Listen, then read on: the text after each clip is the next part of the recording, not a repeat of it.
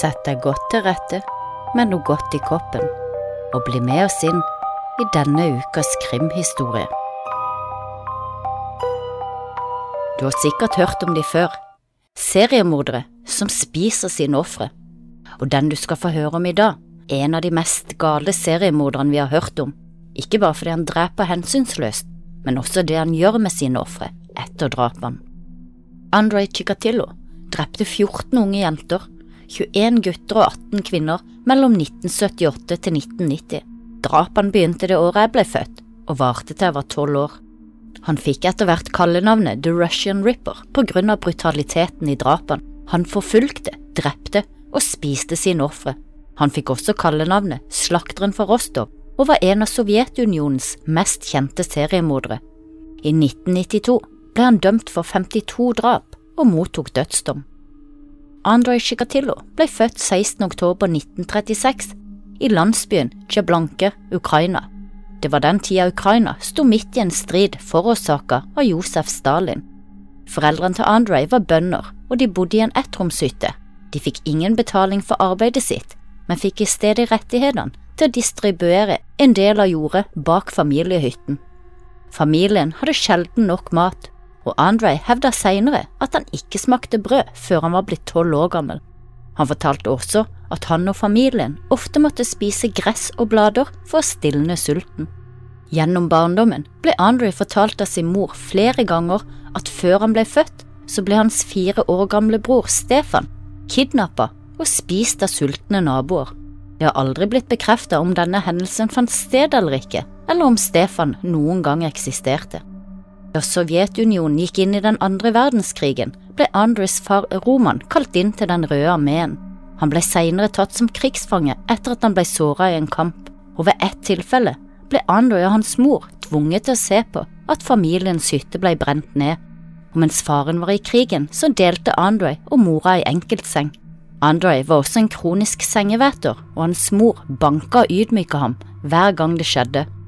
I 1943 kom Andrejs lillesøster til verden, Tatjana, men siden Andrejs far hadde vært ute i krigen siden 1941, så kunne ikke han være faren hennes. Mange ukrainske kvinner ble voldtatt under krigen av tyske soldater. Det har derfor blitt spekulert i om Tatjana var et resultat av en slik voldtekt, og siden Andrej og mora bodde i en ettromshytte, kan en sånn voldtekt ha funnet sted mens Andrej så på. I september 1944 begynte Andrej på skolen. Han var sjenert og tilbaketrukket, fysisk svak og kom som regel i hjemmelagde klær på skolen. Og i 1946 hadde han en oppsvulma mage som et resultat av sulten som kom i kjølvannet av den andre verdenskrigen og la seg i store deler av Sovjetunionen. Og ved flere anledninger var sulten så ille at Andrej besvimte både på skolen og hjemme, og han ble i tillegg konstant utsatt for erting av de større guttene, som erta han for hans fysiske svakheter og sjenanse. Men av læreren ble Andrej beskrevet som en dyktig elev, og en som de ofte skrøt av. I de tolv årene hvor Andrej begikk over 50 kjente drap, og fordi det statlige kontrollerte media i Sovjet tier om seriedrap og voldtekter, så begynte historiene i stedet å få sine egne liv, og ryktene florerte. Etter ryktene hevda at ofrene ble drept og mutilert av en varulv. Det var ikke før i august 1984 at media begynte å skrive om drapene. Men innen da hadde Andre allerede rukket å drepe 30 mennesker. Han var mistenkt for å ha drept Jelena Sabrotnova, siden han hadde blitt observert med henne. Men en annen mann tilsto drapet på henne mens han ble utsatt for tortur. Han ble siden henrettet, og dermed slapp Andre unna og kunne fortsette sin drapsferd. I september 1984 ble Andre arrestert etter å ha oppsøkt en prostituert kvinne på en truende måte. Han hadde også blitt observert på Rostov busstasjon, hvor han også hadde oppsøkt en rekke andre kvinner. Stresskofferten hans ble gjennomsøkt, og det ble funnet en kjøkkenkniv, et tau og ei krukke syltetøy som var forgifta med petroleum. Blodtypen hans ble sjekka opp mot sperm funnet på ofrene, men da blodtypen ikke matcha spermen, ble Andre løslatt. Det har aldri blitt gitt noen ordentlig forklaring på dette og hvordan det skjedde, og mange tror at det hele var en stor feil, mens andre mener at Andre var en slik person hvor blodtypen ikke fremkommer i spytt og sperm. og bare uker etter at Andre ble arrestert og løslatt, ble han også kasta ut av kommunistpartiet, da han ble dømt for å ha stjålet fra arbeidsplassen sin og fikk en dom på tre måneder. I november 1990 ble Andre stansa og avhørt da han kom ut fra et område hvor også hans siste offer ble funnet, Svetlana Korostik. Og 14. november, dagen etter at Svetlana ble funnet drept, ble Andre formelt arrestert og etterforska. Det viste seg at Andre hadde sett seg ut både barn og tenåringer av begge kjønn, og også unge til middelaldrende kvinner, mennesker han følte han hadde overmakten på.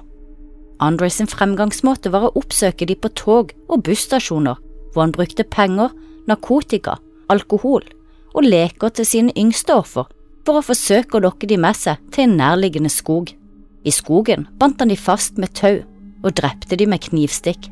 Dette var noe som ga Andre seksuell nytelse, og som regel lemleste han sine ofre også. Han stakk ut øynene på dem, fordi Andre var overbevist om at de inneholdt et bilde av det siste offeret så. Det var også noe Andre slutta med etter en stund, da han innså at det ikke stemte. I tillegg fjerna han innvollen deres, tygde av de nesa, samt kutta bort tungen og genitaliene. Mens Andre torturerte sine mannlige ofre, fantaserte han ofte om at ofrene var hans fanger og at hans handlinger gjorde ham til en helt. I et av tilfellene beit han også av en ung pikes brystvorte og svelgte han, og dette fikk han utløsning av. Noen ganger fylte han opp ofrenes munn med gjørme og jord for å stilne skrikene deres. Han spiste ofte opp sine ofre og drakk blodet deres. Under de to første ukene av etterforskninga så innrømmer Andre 57 drap. Etterforskeren hadde på det tidspunktet kun kobla 36 av dem til Andre. Han ble stilt for retten 14. april 1992, og han ble plassert inne i et jernbur når han skulle vitne for å beskytte han mot ofrenes familiemedlemmer. Oppførselen til Andre under rettssaken ble av mange oppfattet som bisarr. To ganger hadde han dratt ned buksa si eksponert underlivet sitt mens han ropte ut i salen at han ikke var homofil. Han hevda også at han var gravid og amma, og veksla mellom å kjede seg og være sint. Han nekta også plutselig for å være skyldig i flere av drapene han allerede hadde tilstått, mens han samtidig innrømmer andre drap som han ikke hadde nevnt før.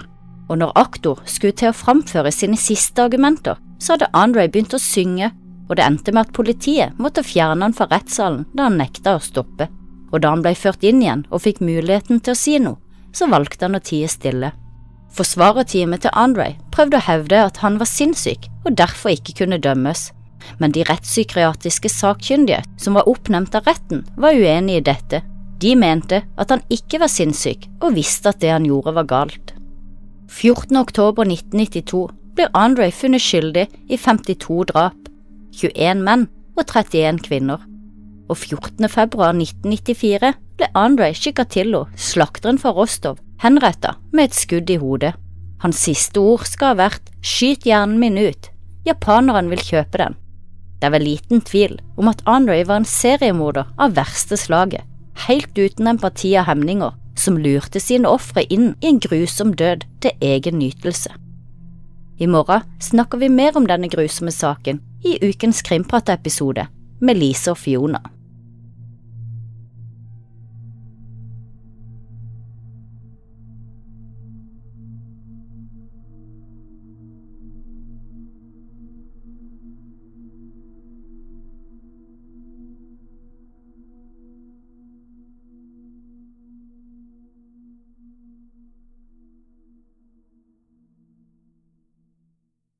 Har du et enkeltpersonforetak eller en liten bedrift? Da er du sikkert lei av å høre meg snakke om hvor enkelt det er med kvitteringer og bilag i fiken, så vi eh, gir oss her, vi. Fordi vi liker enkelt. Fiken superenkelt regnskap.